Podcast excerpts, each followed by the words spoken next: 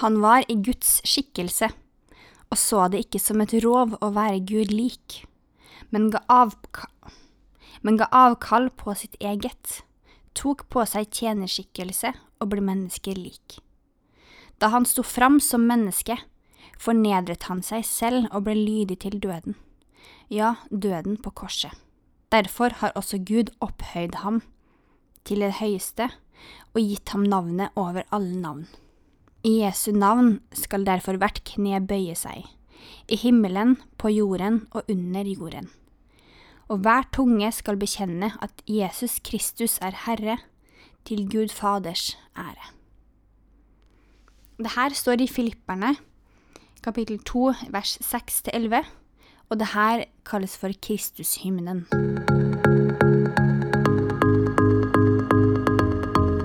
Velkommen til en ny episode av podkasten Hva er greia? En tro som bærer livet.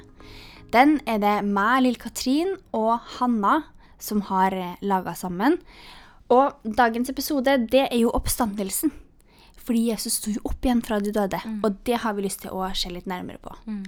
Men før vi gjør det, så lurer jeg på om vi kanskje har en liten fun fact. Ja. Um, vi er på tur.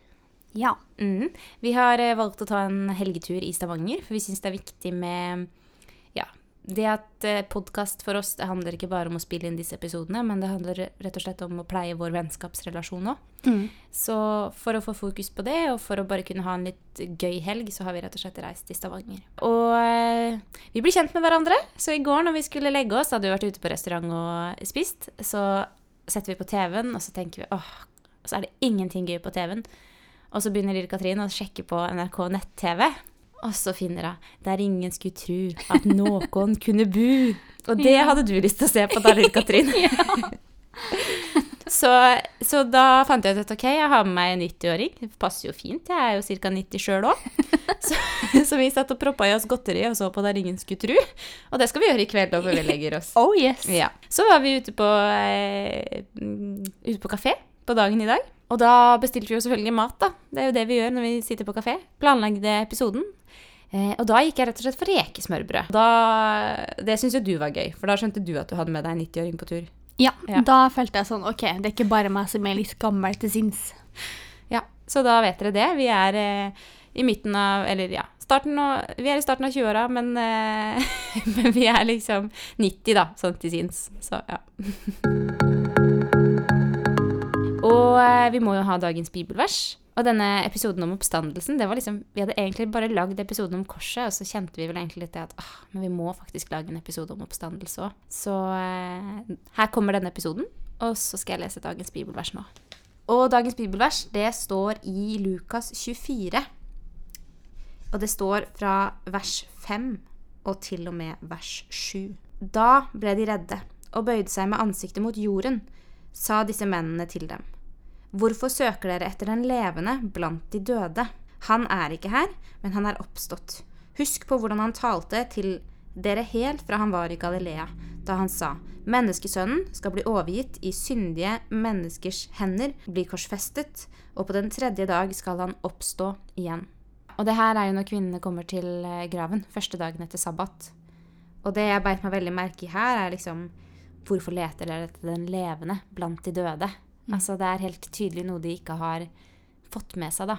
Rundt denne døden. Hvorfor døde Jesus? De har på en måte ikke fått med seg at han skal gjenoppstå, og at han lever. Han er levende. Han er ikke død. Han har liksom overvunnet døden, da. Hvis du hadde bodd i Israel på denne tida, Hanna, og levd på den tida når Jesus døde og sto opp igjen fra de døde, hvordan tror du det hadde vært? Hvordan hadde det vært? Altså, ut ifra det vi ser sånn fra det bibelske materialet, så skjønner vi jo at det er noe de ikke skjønner. De tenkte at dette var han som skulle redde dem, men så døde han. Så han var liksom ikke Israels frelser allikevel. Så jeg tror det ville vært Jeg tror jeg ville følt meg veldig forvirra. Fordi i dag sitter vi på en måte med alle svara. Vi har Bibelen, vi kan slå opp og vi kan se trekke linjene fra liksom, begynnelse til slutt av eh, Bibelen. Men, eh, men for eh, disse jødene som hadde møtt Jesus, og som hadde liksom åh, dette er han som har kommet for å redde oss, så, så klarer de ikke helt å se det, da. Fordi at han skulle jo ikke dø, han skulle jo være en konge som skulle gjøre det Altså på en måte få bort de romerske, den romerske styremakta og liksom gjøre sitt land og sitt folk det skulle liksom, Der skulle alt bli bra, da. Så jeg tror jeg hadde vært veldig forvirra. Håper og tror jo at jeg hadde vært en troende på Jesus, men jeg tror jeg hadde vært veldig forvirra. Fordi hva, hva er det egentlig som skjer, på en måte? Jeg tror at du hadde greid å tro på det. At Jesus hadde stått opp igjen. Det er jo, altså Oppstandelsen er jo en veldig sånn Det er jo en veldig rar ting, egentlig. Mm. Jeg tror på det, altså jeg tror virkelig på det nå. Mm. Men, men det er på en måte når ikke de som går nærme, altså de nærmeste til Jesus, når de sliter med å tro på det, eh, og ikke forstår, og på en måte trenger at Jesus viser seg for dem flere ganger for at de skal skjønne at det er han. Og Thomas, da, som på en måte måtte få lov til å ta i sårene, vi var jo inne på det tidligere, i en tidligere episode, så tenker jeg at de som går sammen med ham, forstår ikke, og da tenker jeg at jeg skal ikke sette meg selv her, sitte her i dag da og si at ja, jeg hadde forstått det, liksom. Jeg hadde bare skjønt det. Så jeg vet ikke.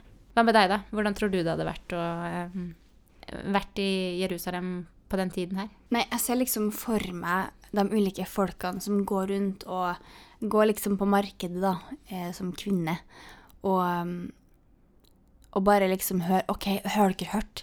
Jesus døde jo. Altså, han døde jo på korset. Han, eh, det var jo helt grusomt. Han døde jo, han som vi trodde var it. Altså, det er de store greiene, liksom. Og så ble det ikke noe. Og hvis folk hadde kommet og sagt til meg liksom Hei, du, Jesus, han, eh, han har oppstått. Så tror jeg først at jeg ville ha trodd at det var tull, liksom. Og det er nok fordi at eh, hvis det var disiplene som sa det, så ville jeg tenkt oi, her er det en baktanke. Liksom, hva er det, hva er det, hva ligger det i dette her? Men eh, jeg tror jo også veldig på at når vi leser i dag, så er det jo veldig tydelig at Jesus møtte veldig mange mennesker da, etter at han hadde oppstått også. Da vil, håper jeg at jeg ville bare skjønt at oi, wow, kanskje at Jesus faktisk har stått opp igjen. Men jeg tror ikke at jeg ville ha forstått det sånn helt egentlig. Men hvordan tror du livet hadde vært da, hvis Jesus ikke hadde stått opp? Hm. Jeg tenker at eh, Jesu oppstandelse, den viser til håp og framtid. Og det er jo noe med det at vi er mennesker, vi møter på vanskeligheter. Sånn er det. Det er en del av livet. Men så tror jeg at hvis det ikke hadde ligget håp der om noe bedre i framtiden, altså et løfte om et nytt liv etter døden Altså Hvis Jesus ikke hadde stått opp, da, så hadde det jo på en måte Da hadde han jo ikke overvunnet døden. Så da hadde på en måte alt bare rakna med at han døde. Og da tror jeg at eh, mitt liv, det hadde bestått i alle de jordiske bekymringene, og jeg hadde vært mye mer opptatt av de jordiske ting enn det jeg er. Altså, for all del, jeg er veldig opptatt av liksom, har de samme bekymringene som veldig mange, og på en måte opptatt av mange av de samme tingene, men, men jeg hadde ikke hatt det håpet om at det finnes en som tok min synd, og som døde for min synd, og som overvant døden, og som gjenoppsto, og som kaller meg til et nytt liv, eh, og som sier at jeg har en framtid for deg, da. Så det hadde vært veldig sånn eh, her og nå. Og jeg tror også det ville vært et tyngre liv. Fordi at eh, det hadde ikke vært et håp i de utfordringene du står i, ikke sant? Så jeg tror det ville vært mye tyngre og mye vanskeligere å finne mening med tilværelsen, da. For min mening med tilværelsen er jo liksom Men jeg er kristen. Jeg har et eh, Jeg skal nyte livet når jeg lever nå. Og ha det bra når jeg lever nå. Men det er på en måte både godt og vondt. Men i framtiden, altså når Jesus kommer tilbake igjen, så skal det bare være godt, da. Og det er et håp som jeg kan få lov til å lene meg på. Og um, det at Gud på en måte er for meg, da. Hvis ikke Jesus hadde overvunnet døden, så hadde jeg ikke kunnet bære med meg det heller, da. Og du, da? Hvordan tror du et eh, liv uten oppstandelsen hadde sett ut? Nei, der tenker jeg jo at eh, først og fremst så er jeg jo ikke jøde. Så eh, siden at jeg ikke er av jødisk slekt, og eh, kan kategoriseres som hedning, så vet jeg ikke om det med Gud hadde vært relevant for meg i det hele tatt. Hadde jeg bare tenkt at det er noe rar greie, hadde det vært noe håp for meg. Jeg hadde ikke ant hvordan livet mitt så ut, eller også hva som ville skje etter livet da, her på jorda. Fordi at eh, hvis jeg ikke kjenner Jesus, hvis jeg ikke kjenner Gud, hvordan kan jeg da vite hva som er rett og galt, da? Mm. Så jeg tror det ville vært et veldig sånn tomt liv, egentlig. Når vi nå skal se på oppstandelsen, så må vi også stille spørsmålet hvorfor er oppstandelsen viktig? Har du noen tanker rundt det, Hanna? Det har jeg. Og vi starter med Jesu død. Altså, jeg skal ikke gå så de tok jo for oss det sist gang. Men det jeg skal si, er at sånn som når han tas ned fra korset, så brekker det ikke beina hans. Og det er for at en profeti som står om at, skal, at beina skal bli bevart, da, skal bli oppfylt. Og da viser det jo på en måte til at dette er Messias, den lovede, som skal redde Israel. Og så er det en mann som heter Josef. Og han har en viktig stilling som rådsherre. Han er jødisk, og det som er, er at han Det står at han var en rettferdig mann. Og en etterfølger av Jesus. Og det var nok litt sånn i hemmelighet. Så, sånn at eh, det, dette rådet ikke skulle vite det, da. For det, jo, det hadde jo sin pris å være etterfølger av Jesus. Og han har en grav. Og i denne graven så har han lyst til å legge Jesus. Og sammen med han så står det at Nikodemus kommer. Og Nikodemus, han tar da med seg en blanding av myrra og aloe. Omtrent som 100 pund, da. Så de tar med seg en sånn blanding som de skal, eh, som de skal bruke da, for å ha denne begravelsesskikken. Og Nikodemus, han har vi jo snakket om før. Og det er jo nettopp denne mannen som kommer til Jesus med alle disse spørsmålene. Altså en mann som kan skriftene, men som allikevel har spørsmål han trenger å stille Jesus, da. Og her ser vi jo at eh, det får eh, Det at han fikk stille sine spørsmål, gjør også at han blir en troende på Jesus. Så da ser vi jo at oppstandelsen er viktig fordi at den berører med menneskers liv, da. At Jesus, han som hadde gått rundt, han berørte med de med menneskers liv, og han ønsker at vi skal være hans barn, da. Ja, og det er jo noe med at de her eh, har jo liksom vært med og begravd Jesus, da. Eller begravd og i hvert fall lagt han i denne grava, da. Og de har jo behandla liksom liket til Jesus. Jeg liker ikke å bruke ordet lik om, en, om Jesus sin kropp, men det var jo det det var. Det var jo en død kropp. Og um, de vet jo veldig godt hvordan de la eh, Jesus da i grava, og hvordan de trilla steinen foran.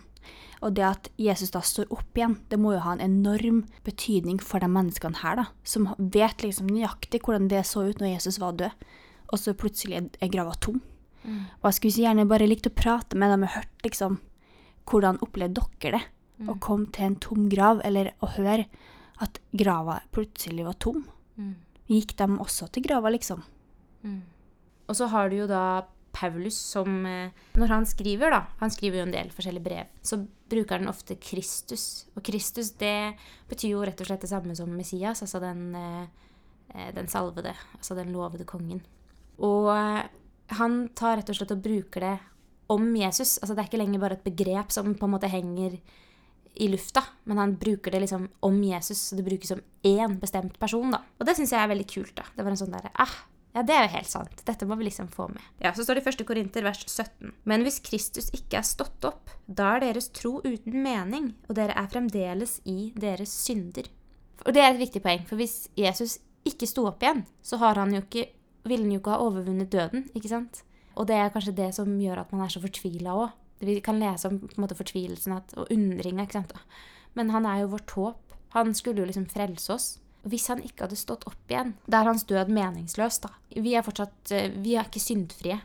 Fordi at det, det soneofferet har ikke skjedd, da. Det ville jo hatt liksom enorm betydning for hvordan vi ville levd, kunne levd våre liv, ikke sant. Det er jo en grunn til at Jesus ble sendt, og det er jo fordi at våre synder skal bli tilgitt, og vi kan på en måte komme til Gud, da. Og ikke trenge den her altså dette forhenget foran det helligste rommet i tempelet, ikke sant. Fordi at Gud virkelig er i oss, da.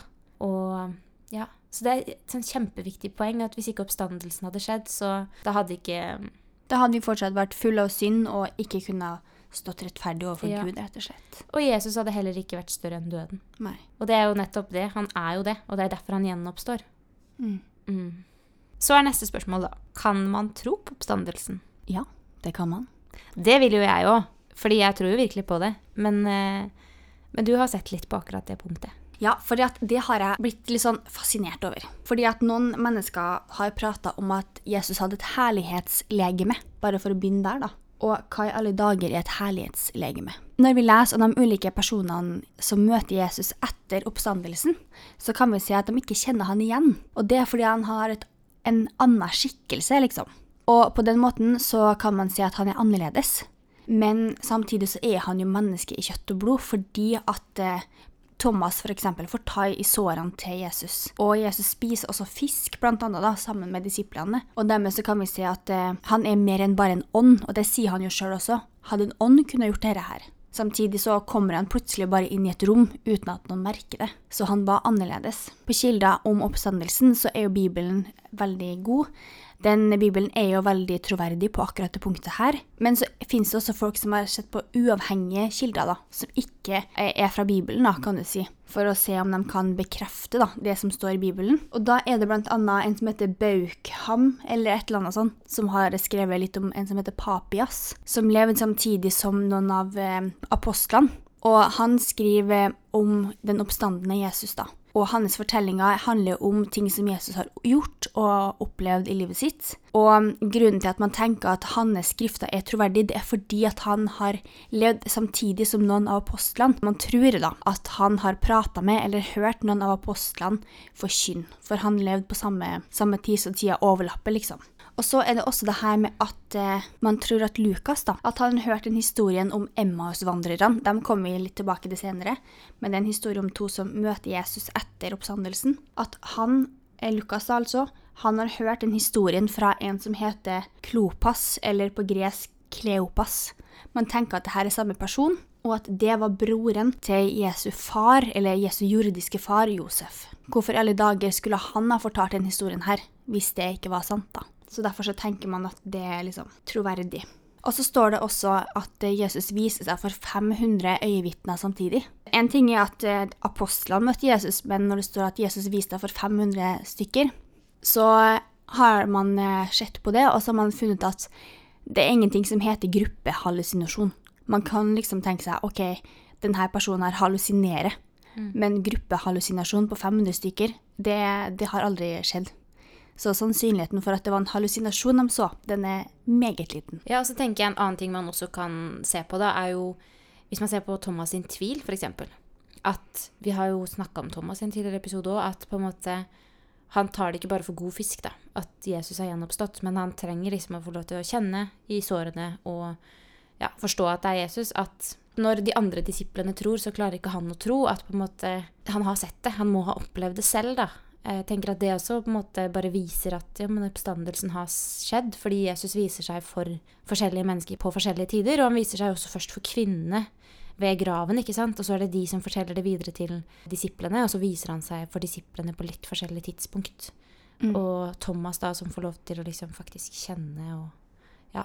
Så tenker du det også er et viktig poeng, da. At det er forskjellige mennesker som ser, og til mm. forskjellige mm. tider. Og da går vi nesten over på den herre punkt nummer to på hva skjedde egentlig etter oppstandelsen. Og da har vi lyst til å se litt på ulike historier, da, ulike møter som Jesus har med de ulike menneskene etter oppstandelsen, for å bekrefte da at han faktisk har stått opp igjen. En litt sånn kul ting, da, syns jeg, i hvert fall som jente. Jeg har egentlig ikke vært sånn veldig sånn feministisk av meg, men eh, jeg begynner kanskje å bli litt mer feminist eh, etter hvert. Men det som jeg syns er litt kult, er at når Jesus står opp, så kommer jo kvinnene til graven. Og da er det annet Maria Magdalena. Og så står det litt forskjellige versjoner da i de ulike evangeliene på hvem det er som er med, men kvinnene kommer til grava først. Og ser at grava er tom. Noen plasser møter de én engel, noen plasser møter de to. Men eh, de får beskjed om at grava er tom. Vær ikke redd, frykt ikke, men gå og fortell om andre at Jesu grav er tom. Jesus er ikke her, han er stått opp. Og det er jo dette som eh, Når vi leste dagens bibelvers, så er det jo henta fra kvinnene som kommer til graven. Mm. Og det er jo litt kult, fordi ved at kvinnene kommer først og får budskapet først, så validerer Jesus kvinner. I gamle Israel så var det jo sånn at kvinnene sitt vitnesbyrd ikke var gyldig, som på en måte et bevis, da. Så når Jesus da viser seg for kvinnene først, så gir han dem en viktig plass, da og en viktig stemme, og si at men din stemme, ditt vitnesbyrd, er også viktig. Mm. Og det syns jeg er veldig, veldig kult. Og en ting av det som engelen sier til kvinnene, det er at uh, de skal be disiplene gå i forveien til Galilea, og så skal Jesus møte dem der. Og det er litt kult, fordi at da tar opp igjen tråden til noe som ble sagt tidligere, før korsfestelsen og sånn. Og det er når Jesus forutsier Peters fornektelse. For da sier Jesus til Peter i Matteus 26, vers 32. Men etter at jeg er stått opp, skal jeg gå i forveien for dere til Galilea. Så han har egentlig allerede avtalt med disiplene, uten at de helt forsto det kanskje, da, at Jesus faktisk ville komme og møte dem i Galilea. Og så er det jo sånn at det, det finnes jo flere historier om hvordan Jesus møter folk da, etter eh, oppstandelsen. Og en av historiene er jo om eh, hvordan eh, Jesus også møter Peter når han er ute og fisker. Mm. Ja, fordi at uh, Jesus viser seg jo først én gang for disiplene. Og så på den tredje dagen så viser han seg igjen. Og da er det sånn at de er, det er måltid, da. I min bibel står det måltidet ved Tiberiasjøen. Og da sier Peter at 'jeg går ut for å fiske'.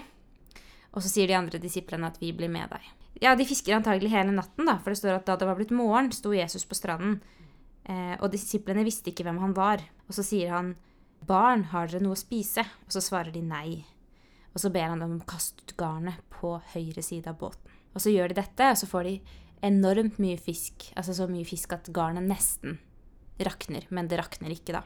Og det er litt kult, for det er jo kult i seg selv. Det er jo et mirakel at Jesus bare sier 'kast ut på den siden'. Men det som er litt gøy, er at det er egentlig en parallellhistorie til det som skjer når Jesus kaller disiplene til å følge han. For da også er de ute og fisker. Så har de fiska hele natten, og så har de ikke fått tak i fisk. Og så sier han 'kast ut garnet på den siden av båten'. Og så kommer det masse fisk. Så det er liksom Først, første gangen så er det når de på en måte Når Jesus ber dem om å følge han mens han går rundt på jorden, og så andre gangen er på en måte etter at han har oppstått igjen, da, etter liksom dette nye livet. Ja, altså han, han gir dem på en måte enda en ny sjanse da, til å følge han, men på en litt annen måte, kanskje. da. Og så tydeliggjør det kanskje bare Jesus' budskap om at han ønsker at de skal følge ham. da. Mm. At dere skal ikke være eh, Dere skal være menneskefiskere og ikke Ja, ikke det her, liksom. Dere skal jobbe Eller jobbe i mitt navn, da. Mm. Det syns jeg er veldig kult. Og rett etter at eh, denne her eh, sekvensen på stranda, da, hvor de finner ut at oi, dette er Jesus som viser seg igjen, og de har dette måltidet sammen, så tar Jesus liksom Peter til sida, og så stiller han jo det spørsmålet Elsker du meg? Ikke sant? Og det var vi inne på i forrige episode, at liksom spørsmålet er bestilt tre ganger, og det svarer på en måte til de tre fornektelsene da, som, eh, som Peter hadde av Jesus da han ble tatt til fange i redsel. Så eh, det også er veldig kult, da. Her møter liksom virkelig Jesus disiplene. Først så møter han dem på, gjennom at liksom, ja, men nå får dere mat. At han fyller på en måte de behovene, og så etterpå så fyller han også det behovet Peter har for, den, for å bli tilgitt, da, og for å på en måte Ja. Ja, for å gjenopprette forholdet eller relasjonen til Jesus, da. ja. Ja, det er mange kule historier, og en av dem er jo også den eh, med Emmaus-vandrerne som vi har prata om litt tidligere. Kan ikke du si litt om den? Jo, fordi at eh, her også er det sånn at de skjønner ikke at det er Jesus, men han på en måte møter dem på veien. Og så driver de og snakker om alt som har skjedd, og så begynner Jesus å stille spørsmål, og så sier de Men vi håpet at det var han som skulle forløse Israel. Dessuten er det i dag den tredje dagen siden alt dette skjedde. Det her skjer jo på oppstandelsesdagen igjen. Og jeg syns det er veldig kult at liksom Det viser da at de forsto ikke hva det var de egentlig håpa på. Og så understrekes det liksom at dessuten er det i dag den tredje dagen siden det skjedde. Og så, det hele, så er det jo blitt forkynt at det skal være tre dager. Og så står det at Jesus han på en måte retter på dem, og så forteller han dem hele historien fra Moses og går egentlig basically gjennom alt, da. Dette frelsesbudskapet. Og så skjønner de fortsatt ikke hvem det er før, eh, før Jesus blir med dem eh, hjem, og så bryter han brødet. Og da åpnes liksom øynene deres. Så det er litt, ja, en form for nattverd. da, At han åpner brødet, og så skjønner de ved den brødsbrytelsen at oi, dette er jo Jesus. Han er gjenoppstått. Så det syns jeg er litt kult, da. Hva betyr oppstandelsen for oss i dag, da? Én ting er jo det at vi er syndfri og kan stå rettferdig framfor Gud, som er på en måte det aller største, viktigste greia. Men det er jo mange ting som er viktig med oppstandelsen. Ja, så tenker jeg sånn, sånn som det her med at vi er syndfri, da. Så betyr jo det at synden har ikke lenger makt over oss. Ja. Fordi at Jesus døde. Mm. Og fordi at han gjenoppsto. Og når han gjenoppsto, så kunne han gi oss det livet. Fordi at han levde et syndfritt liv, så derfor så kunne han ta all vår synd. Og dermed kan vi leve syndfri. Men det betyr ikke at vi ikke gjør ting som er synd. Nei. Men eh, det er ikke lenger det som definerer oss, da. Og det er så viktig å huske at liksom Jesus død på korset er ikke liksom bare sånn oppfordring til at lev livet akkurat sånn som du vil leve det. Og, Nei, nei. ja. men, eh, men ja, det er en veldig fin greie, da. Det der at synden ikke lenger definerer oss. Ja, og så hadde jo du et eh, fint perspektiv på det her med Johannes og Peter og ja, det med oppdrag i, og i livet vårt, da. Ja, fordi at eh, hvis vi går litt tilbake til eh, dette her måltidet, da, som Jesus har med disiplene på sjøen etter at han har gjenoppstått. Og så har han jo spurt Peter om han elsker ham, ikke sant? Og så mens han spør Jesus om det, nei, mens han spør Peter om det, så sier han også 'fø sauene mine'. Og så profeterer egentlig Jesus at eh, Peter han kommer ikke til å få letteste, den letteste utveien da, eh, når han skal dø. At han rett og slett må ja, dø for sin tro. Og så sier han eh, 'følg meg'. Altså Det er jo veldig gjennomgående. Han sier jo det veldig mange ganger. 'Følg meg'. Og det er liksom det her med å legge sitt liv da, i Guds hender og bare OK, men vi opplever vanskelige ting i verden, men Jesus har sagt at vi skal følge han, og har han ikke gjennom døden på korset og oppstandelsen vist oss at han er større enn det vi opplever, da.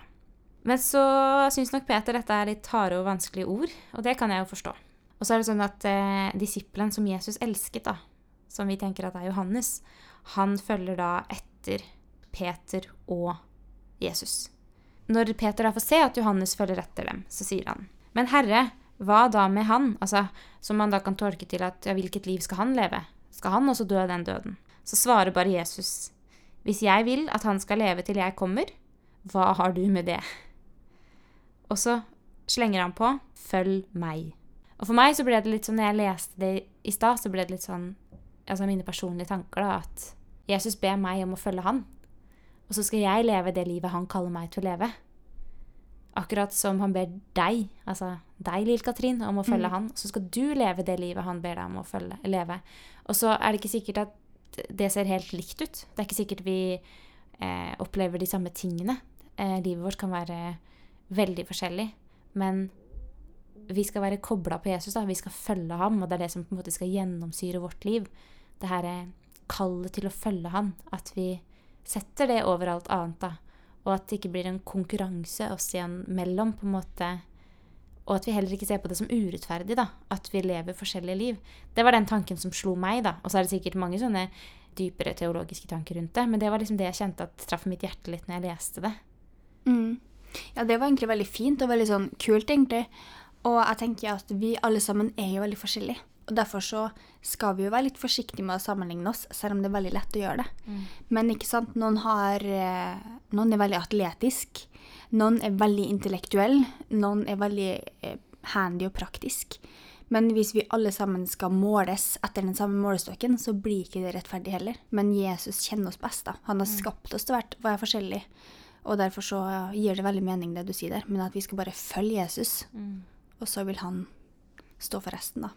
Så jeg tidligere tenkte at det der, når Jesus sier liksom 'følg meg', så tenkte jeg at åh, ja, det har vært et sånt, et sånt uttrykk som jeg bare Ja. men når jeg har lest det nå i det siste, så har det bare vært Ja, men det er så dypt, da. Det handler om at vi bare legger hele vårt liv i hans hender. Og det er jo noe vi får lov til nettopp fordi at han gjennomgikk den døden på det korset. da. Han åpna, altså han rev i stykker tempelforhenget og flytta inn hos oss. da. Og forstandelsen er eh, utrolig viktig. En annen viktig detalj da, det er jo det her med misjonsbefalinga som står i Matteus 28. At Jesus kaller oss da til å gå ut og gjøre alle mennesker til hans disipler. Så Jesus sier først, kom inn til meg, vær med meg, eh, del måltid med meg. Lev det livet jeg har for deg, det livet jeg kaller deg til. Og så sier han også, gå og fortell andre de gode nyhetene om meg. Det er jo litt av det vi prøver å gjøre gjennom denne podkasten her, da. Prøve å fortelle andre om hvor fantastisk vi syns livet med Jesus er. For det gjør vi jo virkelig. Og um, den gaven oppstandelsen egentlig er, da. Mm. Og i denne episoden her så har vi sett litt på hvorfor oppstandelsen er viktig. Går det an å liksom tro at oppstandelsen er troverdig? Og hva betyr egentlig det for oss i dag, da? Ja, og da har jeg bare lyst til å igjen gå tilbake til eh, første Korinterbrev 15-17. Det vi leste i stad om at eh, hvis ikke Jesus hadde gjenoppstått, så hadde ikke vi kunnet stått syndfri da, overfor Gud, og vi hadde ikke kunnet leve med Gud på den måten vi kan. Han hadde ikke kunnet Altså, tempel, tempelforheng, eller altså forhenget i tempelet hadde ikke revna, og vi hadde måttet vært sammen med Gud på en helt annen måte. Og Så det vi håper at dere sitter igjen med i dag, det er litt mer kunnskap om hvorfor oppstandelsen er så viktig. Og at det går an å tro på oppstandelsen. Fordi at det er veldig gode grunner til det, og det er veldig gode kilder på at det faktisk skjedde. Og så skal eh, lille Katrin eh, runde av denne podkasten med å lese denne Kristushymnen som vi leste i starten, og liksom sette litt skikkelig fokus for eh, påsken og påskens betydning. Han var i Guds skikkelse, og så det ikke som et rov å være Gud lik, men ga avkall på sitt eget, tok på seg tjenerskikkelse og ble mennesker lik. Da han sto fram som menneske, fornedret han seg selv og ble lydig til døden, ja, døden på korset. Derfor har også Gud opphøyd ham til det høyeste og gitt ham navnet over alle navn. I Jesu navn skal derfor hvert kne bøye seg, i himmelen, på jorden og under jorden. Og hver tunge skal bekjenne at Jesus Kristus er Herre, til Gud Faders ære. Da gjenstår det bare å ønske dere en eh, riktig god påske. God påske, ja, og håper dere eh, nyter den fullt ut. Ha det bra. Ha det!